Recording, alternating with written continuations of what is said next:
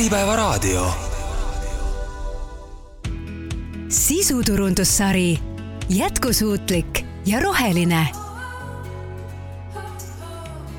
tere, head kuulajad! eetris on sisuturunduslik saade Jätkusuutlik ja roheline. Äripäeva raadio stuudios on täna külas Europark Estonia tegevjuht Karol Kovanen. tere, Karol! tervist! Saadet juhib Kadrin Kahu Europargi nimi ei vaja ilmselt tutvustamist, et kui natuke utreerida, siis võib isegi öelda, et ilmselt iga inimene, kellel on olemas auto või juhiload, on vähemalt korra elus mõnes Eesti paigas asuvas Europargi parklas siis äh, parkinud. Europark opereerib Eestis ligi seitsesada parklat ja aastas toimub seal neli miljonit parkimist mis tähendab, et tegelikult kuuskümmend viis protsenti parkimisturust kuulubki Europargile aga täna me oleme siin, et rääkida pikemalt ja laiemalt kõigest sellest, millist muutust vajab Eesti ühiskond, et kasvavale autostumisele piiri panna. ja ma alustaks natuke kaugemalt, kui koroonakriis meile midagi head õpetas, siis on see kindlasti arusaam, et me suhtlemiseks või koosolekute pidamiseks või ka paljude tööülesannete sooritamiseks ei pea enam füüsiliselt ühes ruumis viibima ja iga koosoleku pärast äh, teise maailma otsa lendama. et piisab ka sellest, kui me oleme virtuaalselt samas kohas samal kellaajal. ilmselt saab kuulaja aru, kuhu ma nüüd oma jutuga tüürin, sest äh, ära jääb äh, peale koroonakriisi selline ajakulu mis tekiks muidu siis kas kontorisse kliendi või partneri juurde kokkusaamisele sõites, aga tegelikult on ju veelgi olulisem, et ära jääb ka meid ümbritseva keskkonna koormamine, et see on vähenenud. mismoodi, Karol, sina seda koroonakriisi antud õpetust vastu oled võtnud või, või mismoodi sa seda oma igapäevaelus rakendad?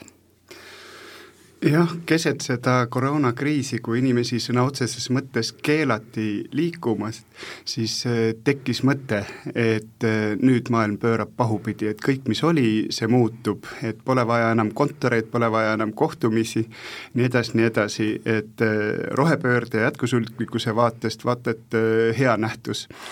aga mis juhtus pärast koroonat, üllatav oli see, et tegelikult kui kiiresti kõik pööras tagasi sinna vanasse pakku ja elu läks edasi nii nagu muiste ja kui ma vaatan puhtalt meie parkimise käibe pealt, siis võrdluses kahe tuhande üheksateistkümne aastaga me oleme ikkagi viiendiku võrra ees, et circa kakskümmend protsenti on kõik jälle kasvanud. ja see kasv, ma tõmban siia võrdusmärgi, see ongi raiskamine, ebaefektiivsus, ülearune mõttetu kulu, et see, millest siin nagu rääkida soovikski. kui me nüüd äh, suuname oma tähelepanu äh, Eestimaal elavate inimeste käitumisele, siis kas sa kirjeldaksid, et milline on selline tavaline päev mõnes Eesti suuremas linnas elaval inimesel, kes käib tööl? jah, siin, kui me nüüd räägime liikuvusest ja autodest ja parkimisest, siis ongi väga oluline eristada äh, et autol ja autol, inimesel ja inimesel, parkimisel ja parkimisel on suur vahe. et kui me võtame nüüd utreerides siin näiteks ühe suure Land Cruiseri, siis ta on täiesti õigustatud tööriist kuskil maal elavale põllumehele nii liikumise kui töö tegemise mõttes ja teda ei peaks selle pärast hukka mõistma.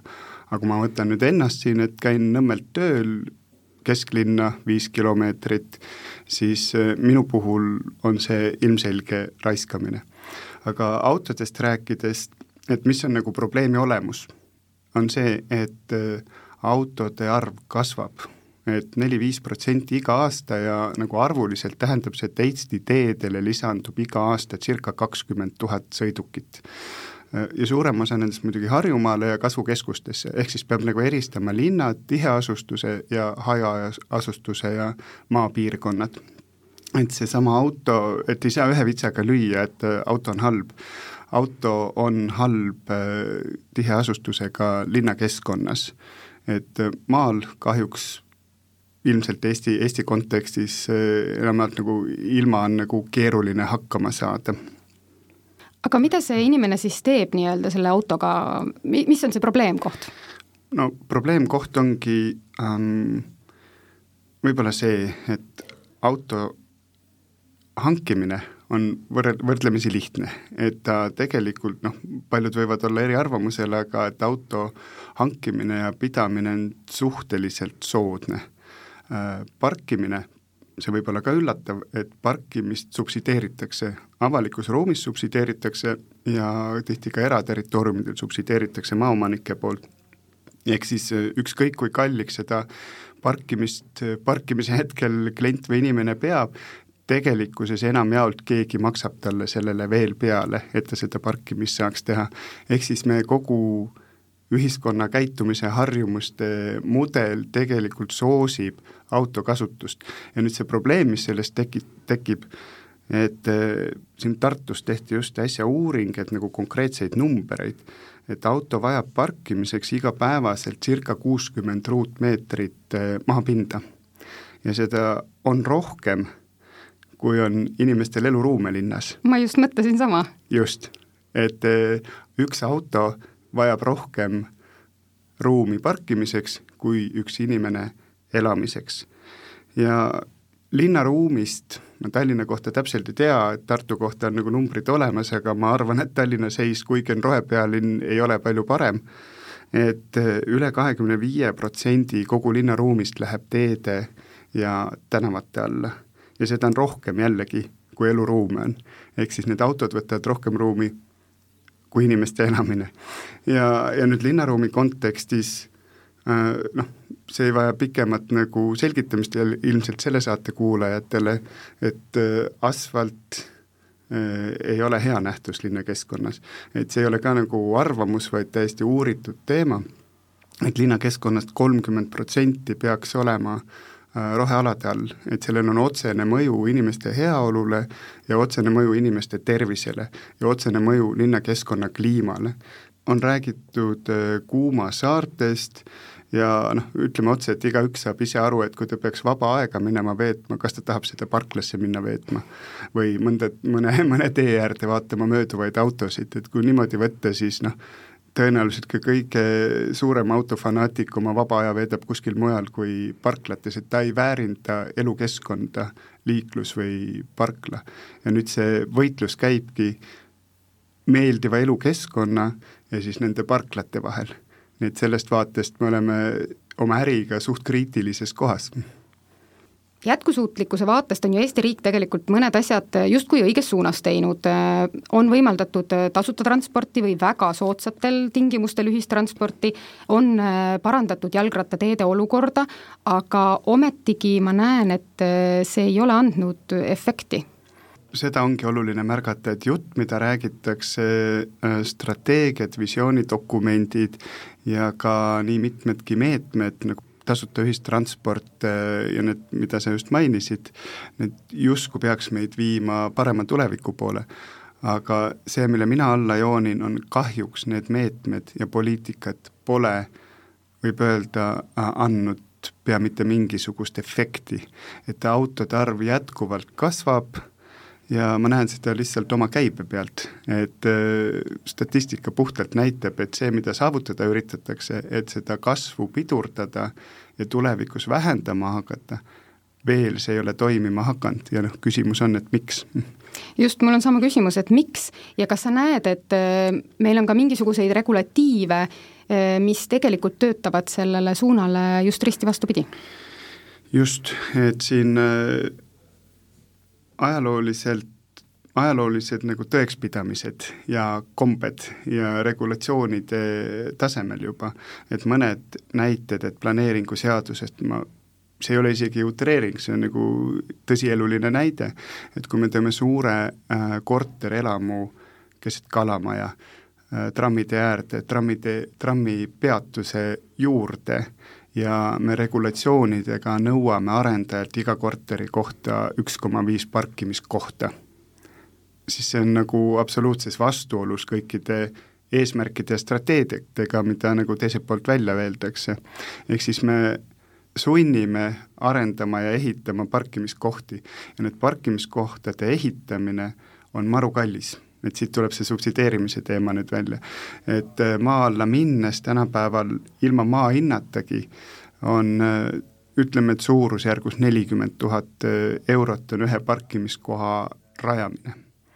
ja kas nüüd keegi maksab nelikümmend tuhat eurot parkimiskoha eest, veel mitte, tulevikus ilmselt jaa äh,, äh, võetakse vähem raha, aga ega siis see raha võtmata ei jää, et see raha võetakse kõrgema elupinna ruutmeetri hinnast välja, ehk siis see tegelikult tõstab elupinna hindasid. ja, ja nad on sunnitud äh, rajama, arendajad, neid parkimiskohti, mm, ühtlasi on ka siis inimesed sunnitud ostma neid. ja kui sul on juba parkimiskoht, kalli raha eest ostetud. kalli raha eest ostetud, siis tundub ääretu raiskamine teda seal tühjana pidada, noh, ja kuna auto hankimine on suhtlemisi, võrdlemisi lihtne samm, siis tehakse ka see samm ära, siis on sul seal ka auto. ja, ja kui sul auto juba on, siis tundub jällegi raiskamisena, kui sa seda ei kasuta. ja olukorras, kus jällegi kõikide uuringute järgi autokasutus on mugav, temaga saad tegelikkuses liikuda kiiremini kui teiste vahenditega ja jõuad kiiremini kohale. et siit tulebki selline ebameeldiv kahvel ja nüüd siit panna tarbijale või inimesele vastutus, et äh, ära hangi autot, ära sõida autoga, kui sind on justkui sunniviisiliselt viidud sellisesse olukorda. ja ma räägin praegu just linnadest ja a la Tallinna Kalamaja näitel. et siis äh, noh, ei anta nagu sellele lai-, nagu avalik võim peaks andma nagu aru saama nagu oma terviklikust mõjust, et kui ühe käega nagu soovid midagi saavutada ja teise käega nagu töötad risti vastupidi, on ju, noh siis on ilmselge, et efekti ei pruugi tulla. ehk et me ei saa panna seda vastutust inimestele ja oodata, et nad kõik nii-öelda teeksid äh, jätkusuutliku ja keskkonnahoidliku äh, otsuse, vaid sellised nii-öelda suunised peaksid tulema mujalt? jah, ko-, ruumi omanik, et valdavalt kohalik omavalitsus, riiklikud regulatsioonid ja siis ka arendajad, kes pakuvad eraterritooriumitel ruumi, enda ruumi inimeste avalikuks kasutamiseks. aga see eraterritooriumid on ikkagi sõltuvuses jällegi sellest avalikust sektorist. et jälle näide, et, et kui meie teehoiu regulatsioonid näevad ette, et kui talvel lumi maha tuleb, siis hommikuseks varahommikuseks tunniks peavad teed puhtaks olema lükatud.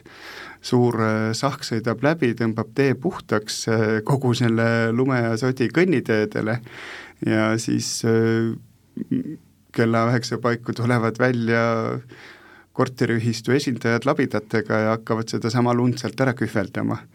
aga, ja siis samal ajal öelda, et inimesed sõitke jalgratastega ja käige jala isiklikust kogemusest võin öelda, et äh, ühe sellise täis tuisanud ja täis lükatud kõnnitee puhastamine talvel võib võtta kuni poolteist tundi.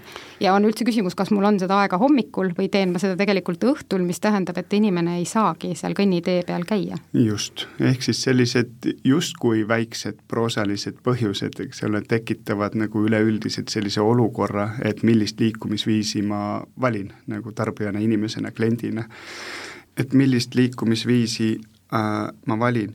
Ja võib-olla on hea nagu mõtet laiendada, et äh, võib-olla mõned äh, fanaatikud välja arvatud, aga üldiselt inimesed ju ei taha autoga sõita sõitmise pärast ega parkida parkimise pärast et see autoga sõitmine ja parkimine pole asi omaette, et tegevus, tegemist on ikkagi liikumisega ja liikuvusteemaga, inimestel on vaja ühest kohast teise minna, nad tahavad omavahel kokku saada, nad suhelda see kõik on hea, ehk siis me ei pea nagu stigmatiseerima selles mõttes seda autoga liikumist, sest eesmärk on ju positiivne ja seda me ju tahame, omavahel kokku saada, liikuda, asju ajada, küsimus on lihtsalt selles, et mis äh, vahendiga me liigume, et see võistlus käib äh, ühistransport, jalaliikumine, rattaga liikumine ja rääkides parkimisest, siis äh, ma võrdlengi ühte parkimiskohta bussipeatusega. nii? põnev, eks mm. -hmm. et ruumikasutuse mõttes, et kui üks parkimiskoht võtab enda alla kolmkümmend ruutmeetrit, siis üks bussipeatus mahub väiksemale alale kui palju üks parkimiskoht päeva jooksul teenindab inimesi, võib-olla teenindab ainult ühte inimest, aga mitu inimest käib bussipeatusest läbi, et siin on need seosed linnaruumiga, äh, kuna ruum ei ole kummist, see on alati mingi alternatiivkulu, et mida rohkem läheb parkimise teede alla, seda rohkem on ta millestki muust ära, elupinnad on kallimad, roheala on vähem. et kui niimoodi mõelda, siis ilmselt see ei ole kellegi unistustes ma olen tegelikult ise teinud läbi ka kunagi selle arvutuse, et kui palju äh, kuluks nagu erinevate stsenaariumite korral siis nagu auto omamise peale keskmiselt. ma tean, et äh, ka sina oskad meile selgitada ligilähedaselt sellist arvutust, et mida tähendab ühe keskmise auto omamine kuus? noh, sõltub autost ja selle kasutamisest, aga eks igaüks võib nagu korra mõelda nagu enda kogemuse peale, et sõltub, mis see liisingumakse on ja muud maksed kokku ja kui kõik kulud kokku lüüa, siis noh, ma julgen väita, et viiesaja ja tuhande euro vahele läheb see summa. et eh, see iseenesest on juba kallis, aga noh, meil elujärg on sealmaal, et eh, ilmselt on eh, võimalik pidada sellist kallist luksuseset ja väga palju siis ei näpista ilmselt. või ei ole piisavalt valus, ütleme nii. aga mis see alternatiiv oleks, kuidas ta siis kululiselt nii-öelda jaotuks? Noh, ütleme, et kulude võrdlemine on äh, väga ratsionaalne tegevus ja inimene teadaolevalt ei ole väga ratsionaalne olevus. et noh, see, seda on tehtud küll ja küll nagu näidatud arvutuslikult äh, ära, et kui, kui mõttetu on äh, tööle ja koju käia autoga versus tasuta ühistranspordiga ühelt poolt on kulu mis iganes viissada euri, teiselt poolt on justkui null, ainuke lisanduv kulu on mõningane aja, lisanduv ajakulu. aga see ei mõju inimestele, et see näitabki seda, et eh, kui raha on, siis mugavus ja harjumused ja nii-öelda automaadi peal käitumine kaalub üles kõik niisugused ratsionaalsed eh, argumendid ja mõtlemised. tähendab seda, et julgemini peaks äh, regulatsioonidega ohjama seda käitumismustrit ja noh, mis on ka kulunud äh, ütlus juba, pakkuma ka arvestatavaid alternatiive, et kui sa ainult keelad äh, ja keerad maksu juurde ja teed kallimaks ja sa teed ühest otsast selle liikumise ebamugavamaks ja kallimaks, millega suur osa inimesi on harjunud, pakkumata samal ajal äh, arvestatavaid alternatiive, et mida ma siis teen, no see ei ole ka tee, mida minna. Karol, me oleme siin nüüd päris pikalt rääkinud sellest, et autosid võiks olla vähem ja peaks olema vähem ja inimesed peaksid tegema teistsuguseid äh, liikumisotsuseid ja parkimist võiks olla vähem, aga palun selgita mulle, et kuidas see siis läheb kokku Europargi äristrateegiaga, et äh, üldjuhul on ikkagi nii, et äh, suurem käive, parem äri äh,? Noh, päeva lõpuks äh, ärid vaatavad joonealust, et palju sellest kõigest äritegemisest üle jäi, ehk siis kasumit.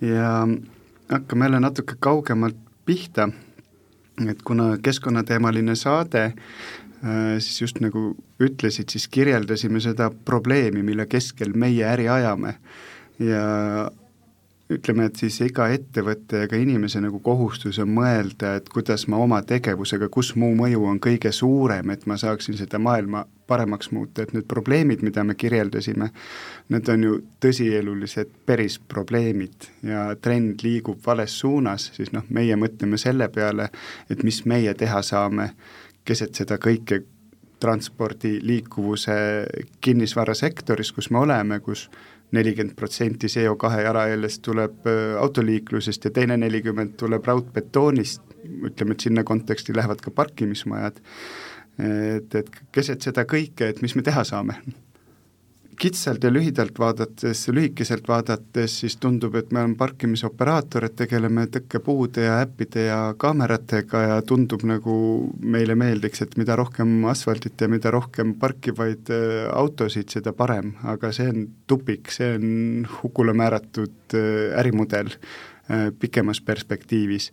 kui laiemaks tõmmata, siis me oleme liikuvusäris, nagu siin ennist bussipeatusega võrdlesin, siis me tegeleme sellega, et inimesed liiguvad ja et selle liikumisratta pealt korra maha hüpata, üksteisega kohtuda, asju ajada, see on see asi, see peatumise koht on nii-öelda meie äri.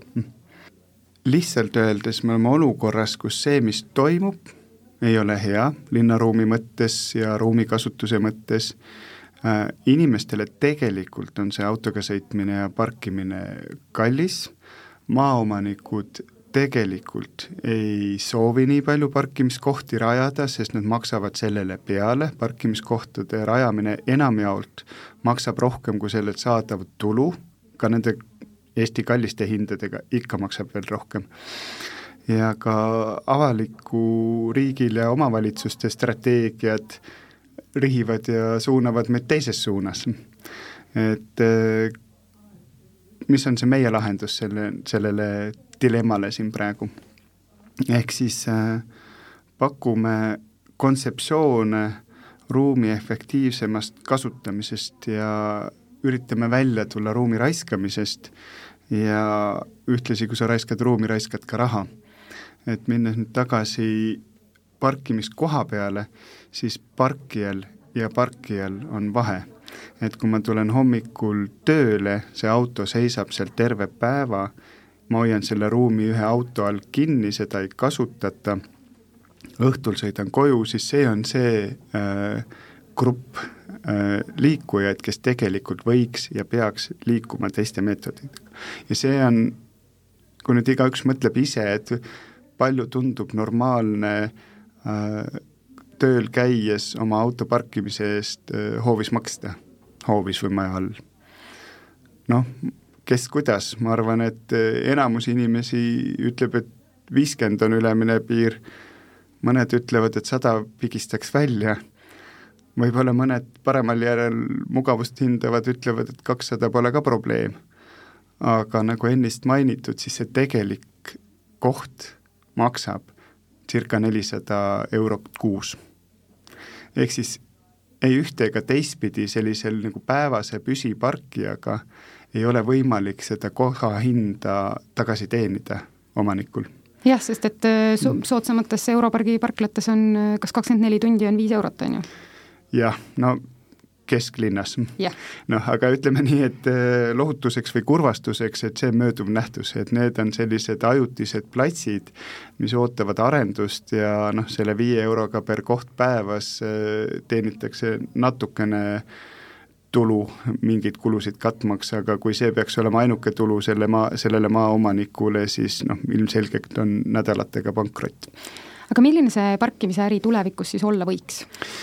Nii et ka Europark ellu jääks äh,? Lihtsalt meie jääme ellu igal juhul, sest nagu öeldud, siis inimeste liikuvusvajadus äh, ei kao kuskile, et see on ärimudelite küsimus, et äh, kui aastast seitsekümmend üheksa oleme elanud vanas maailmas ja ajanud oma äri vana maailma järgi ja moodi ja hakkama saanud. Ja kui maailm muutub, siis äriülesanne on kaasa muutuda, et noh, inimeste liikumisvajadus ei kao kuskile, siis lihtsalt see ärimudel muutub, kuhu täpselt, seda ma ei tea, aga kuna see perspektiiv on lai kogu aeg, siis järgime trende ja küll me selle niši leiame, kus olla. et elu vajab korraldamist igal juhul, inimesed liiguvad igal juhul et küll see punkt leidub, kus siis korraldada. aga lihtsalt öeldes me peame saama hakkama vähemate parkimiskohtadega ja nad peavad teenindama rohkem autosid. autod peavad vähem seisma ja rohkem sõitma ja see ka esi, esimese hooga võib-olla on natuke võõrastav mõte, et autod peavad rohkem sõitma, et kust siit tuleb nüüd see keskkonnahoid ja nii edasi. aga kui mõtleme, et nagu öeldud, et inimesed ei soovi autoga sõita sõitmise pärast ega parkida parkimise pärast, neil on mingi liikumisvajadus. Ja see liikumisvajadus, kui me võtame selle konstantsena, siis äh, me täna nagu raiskame autosid sellega, et nad kahekümne neljast tunnist tund aega sõidavad maks ja kakskümmend kolm tundi seisavad ja võtavad ruumi, ehk siis see liikumis viis tervikuna on alakasutatud, ta on väga ebaefektiivses kasutuses, kahekümne neljast tunnist ühe tunni sõidan, noh, väga ebaefektiivne.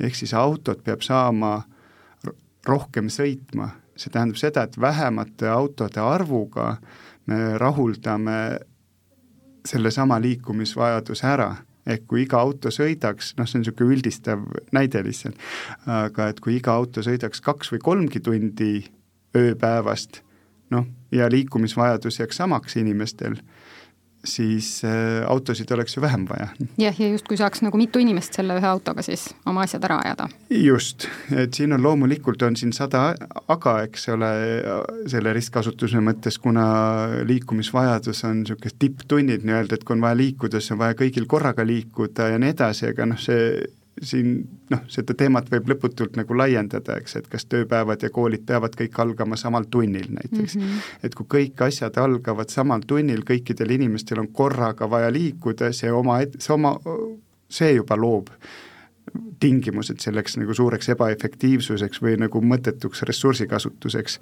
et siin on jällegi avaliku sektori roll, et noh, ootamatu võib olla, et võib-olla on näiteks äh, Haridusametil roll muuta liikumiskultuuri, koolide erinev algusaeg ja ettevõtete puhul äh, tööaja algus, kas peavad kõik alustama kaheksast või üheksast, miks mitte seitsmest ja kümnest, et hajutada seda koormust, hajutada seda vajadust natuke laiemaks. Ja kui sa selle vajaduse tõmbad natuke laiemaks, siis sa saad juba ristkasutada Äh, ressurssi. Ja meie nägemuses äh, ristkasutus ongi võti väga paljudes kohtades, nii parkimiskohtade ristkasutus, et ei fikseerita kohtasid ära, et see on sinu koht ja kui sind ei ole, ei tohi siia keegi teine tulla. Äh, noh, siililegi selge, et see tähendab seda, et kohti peab lihtsalt oluliselt rohkem olema, oluliselt rohkem peab asfaldi alla minema ehk siis parkimiskohtade ristkasutus ja ka autode ristkasutus, kasutus erinevate meetodiga, et sa kas lühirendiautot kasutad ise või äh, on ka juba uued ärimudelid tulnud, et sa enda auto annad ristkasutusse, et päevasel ajal, kui sa seda ei kasuta, annad sa selle kellelegi teisele sõita. No.. võib-olla kõige lihtsam seda oleks teha isegi ettevõtetel, sest et seal on nii-öelda autodel üks omanik, see ettevõte, ja kasutajaks on tema töötajad. just. Um, ja eesrindlikumad siin vastutustundlikud ettevõtted seda ka juba teevad ja see ongi nagu suund, kuhu liikuda, et selle asemel, et mõne büroohoone keldrisse rajada kolmsada kohta selleks, et iga hommikul saaks inimesed tööle tulla, sinna oma autot jätta seisma terveks päevaks ja õhtul koju minna, olukorras, kus siis selle parkimisest saadava tuluga seda tegelikku kulu ei suuda katta, noh, see ei tundu tark mõte. Et võib-olla tagada näiteks arendaja poolt hoopis või ka siis seal rendil oleva ettevõtte poolt tagada inimestele see liikumisvõimalus, tegelikult oli ju vaja liikuda ja võimalust liikumiseks.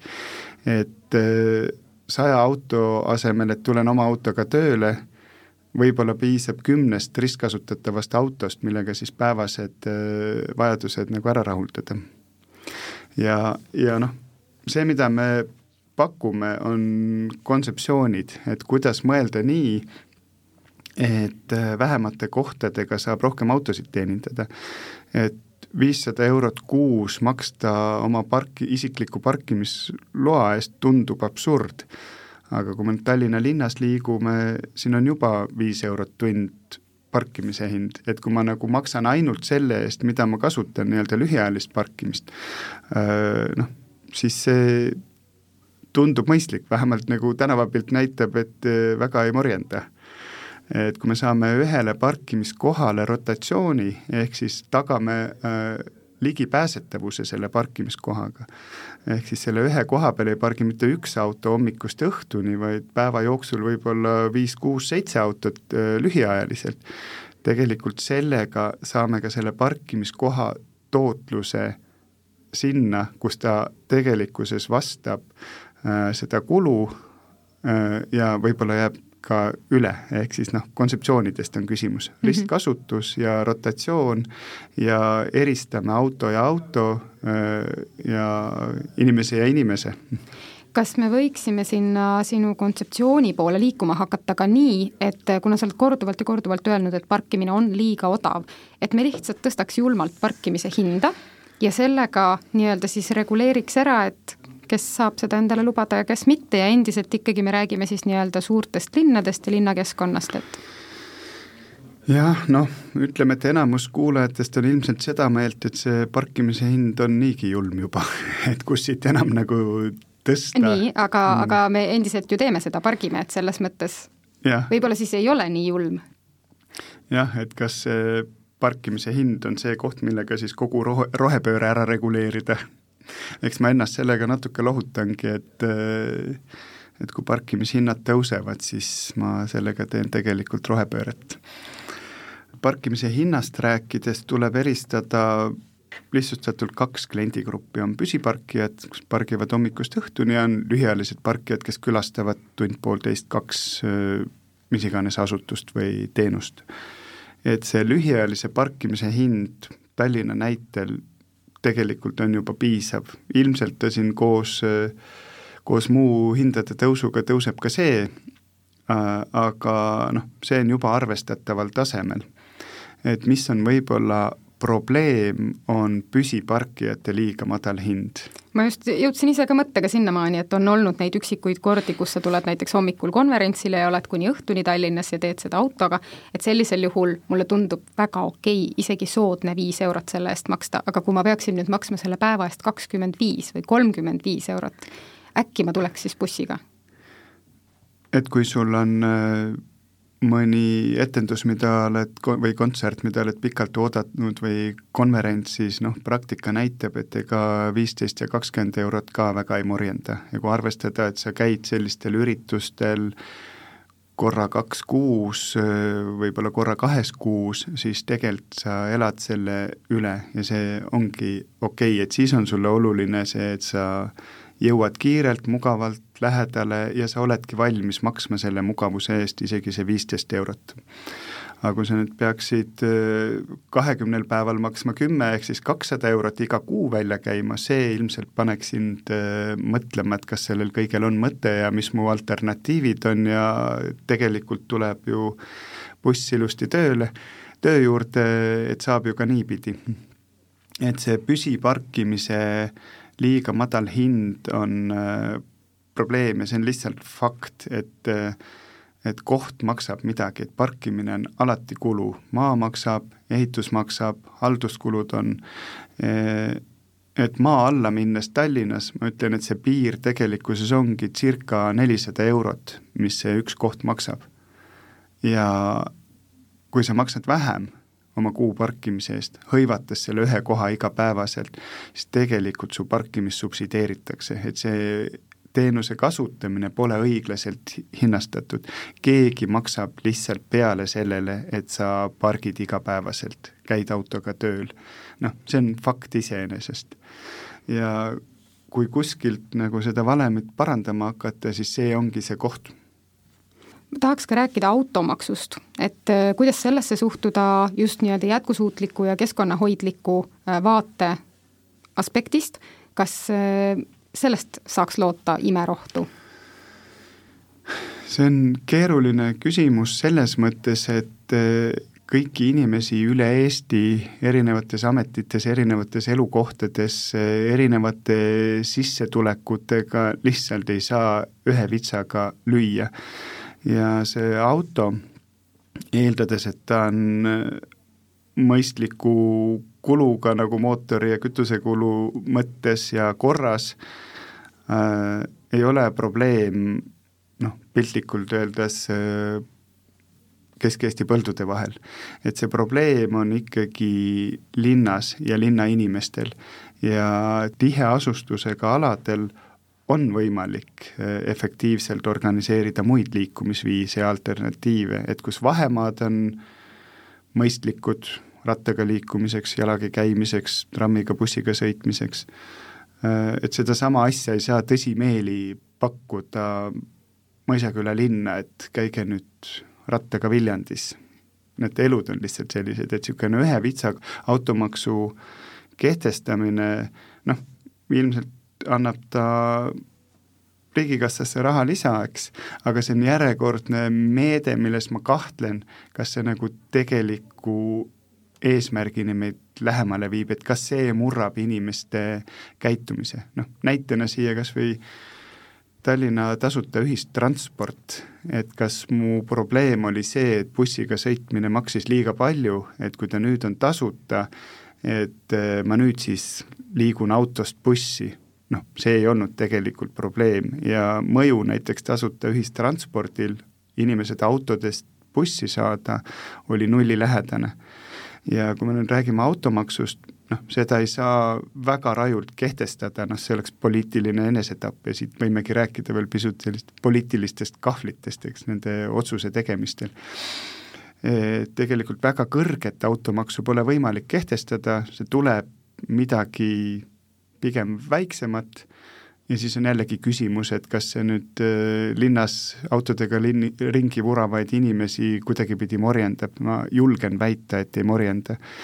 et automaks ilmselt tuleb, aga mis on efekt inimeste autodest äh, teistele liikumisvahenditele saada, ma kardan, et see on minimaalne.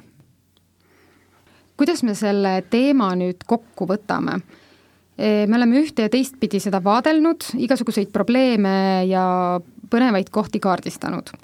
kas sa usud, et järgmine keskkonnateadlikum põlvkond võiks tuua sellele probleemile leevendust ja kui sa usud, et ta toob, siis kas meil on tegelikult aega seda ära oodata? tegelikult meil ei ole järgmist põlvkonda vaja oodata, et kõik tehnilised vahendid, kõik teadmised, uuringud, visioonid, strateegiad, kõik on tegelikult olemas. et me saaksime seda niinimetatud probleemi lahendada juba täna, et meid tehniliselt teadmiste ja muu as-, muu poolest ei takista mitte miski. nüüd küsimus ongi, et mida ja miks me ootama peame. et see ongi selline huvitav paradoks äh,. erasektori poole pealt vaadatuna äh, arendajad ei soovi ülearu parkimiskohti rajada, sest see on sedavõrd kallis, et ka nende kalliste parkimistasudega seda ei teeni lihtsalt tagasi. et nad nagu äriliselt ja majanduslikust vaates ei soovi neid parkimiskohti rajada. Äh, riigi strateegia ilmselgelt on pidurdada autostumise kasvu, et see kasv pidurduks kõigepealt ja siis mingil hetkel hakkaks vähenema, see on nagu selgelt välja öeldud strateegia ja põhjused on nagu arusaadavad ja soovime või ei soovi, et see peab juhtuma, sest noh, kõik numbrid näitavad, et äh, halb tulevik ootab meid ees, meid inimesi isiklikult, et kui seda trendi ei pidurda praegu, mis nagu toimub. ja siis me oleme ikkagi kuidagipidi selles kahvlis, et tahame tehnilised vahendid, infotehnoloogilised vahendid, teadmised, kõik on olemas, aga ometigi need meetmed, mida me siin rakendame, ei toimi, ikkagi autostumine jätkab kasvamist. et ma arvan, et see siiasamasse valemisse peab panema inimeste harjumused, selle autokasutuse mugavuse ja nii edasi, nii edasi, ja seda lahendab, ma arvan, läbi kriisi. ehk siis peaks mingisugused pigem siis avaliku võimu poolt, riigi ja kohaliku omavalitsuse poolt tulema mingid väga selged radikaalsed nagu piirangud nii sellele auto kasutusele kui ka parkimisele avalikus ruumis, aga see nüüd on see poliitiline kahvel. et eh, ükski poliitik meie demokraatias ei saa seda kriisi tekitada eh, inimestele, valijaskonnale, ilma et ta maksaks sellest oma häältega ja kaotaks oma koha. see on tegelikult see kahvel siin, mida ongi väga keeruline lahendada ja veel üks positiivne paradoks on see, et tegelikult on kõigil sama eesmärk. riigil on sama eesmärk, arendajatel on sama eesmärk, inimestel on sama eesmärk. kõik me ju tahame, et meie elukeskkond oleks äh, tervislikum, mugavam, meeldivam, kõik me tahame vähem raha kulutada ja see liikuvuse ja autotranspordi ümberkujundamine neid kõiki eesmärke teenindabki et see on nagu huvitav olukord, kus kõik tahavad sama asja, aga ei suuda ära teha. ja siit see lahendus ongi, kõlab klišeena, aga koostöö. ehk siis äh, riigi poolt ja avaliku võimu, kohaliku omavalitsuse poolt peaks kaardistama selgelt ära kõikide tegevuste äh, ja otsuste ja normatiivide mõjud, kui me nüüd liiklusest räägime, nagu varem saates ütlesin, et võib-olla Haridusametil on oluline mõju nagu linna liik-, liiklusele ja ongi ju. ja, ja siis äh, avatud äh, koostöö äh, kohaliku omavalitsuse, arendajate ja eri, erinevate huvigruppide vahel ja neid strateegiaid tegelikult lauasahtlites on juba olemas. ja nüüd tulebki nagu kamba peale see julgus kokku võtta ja need otsused lihtsalt ära teha. ja no nüüd me peame nagu mõtlema, et kuidas me siis ähm, poliitikutele anname nagu kindluse, et need julged ja rasked otsused äh, ära teha selliselt, et ka nad järgmises valimistsüklis ikkagi oma tööga jätkata saaksid. see on võib-olla see kõige olulisem küsimus. ja äri seisukohast, ka äri ei lähe kuidagi halvemaks, et me tegelikult parkimise äri või maaomanike kaubanduse äri mitte kuidagi tegelikult ei piira, kui me saame nagu parkimiskohad ja autokasutuse efektiivsemaks. ehk siis äh, ligipääsetavus peab säilima, ka tänaste lühiajalise parkimise hindadega äh, teenindab ka äriomanike huve tegelikult rohkem, et kui ma saan vähemate kohtadega hakkama ja lühiajalise parkimise tulu pealt, siis koha tootlus tegelikult tõuseb. ärid teenivad rohkem selle pealt, kui me rohelisema tuleviku suudame tekitada siin meie saade on selleks korraks äh, läbi saanud, äh, kuigi arutamist äh, teema raames jaguks küll ja veel. suur tänu saatesse tulemast, Karol! aitäh! Te kuulasite saadet Jätkusuutlik ja roheline ja täna oli meil külas Europark Estonia tegevjuht Karol Kovanen. uus saade koos uue külalisega on eetris juba peagi. seniks aga saate järelkuulata varasemaid sarja Jätkusuutlik ja roheline saateid Äripäeva veebis. Saadet juhtis Kadrin Kahu, kohtumiseni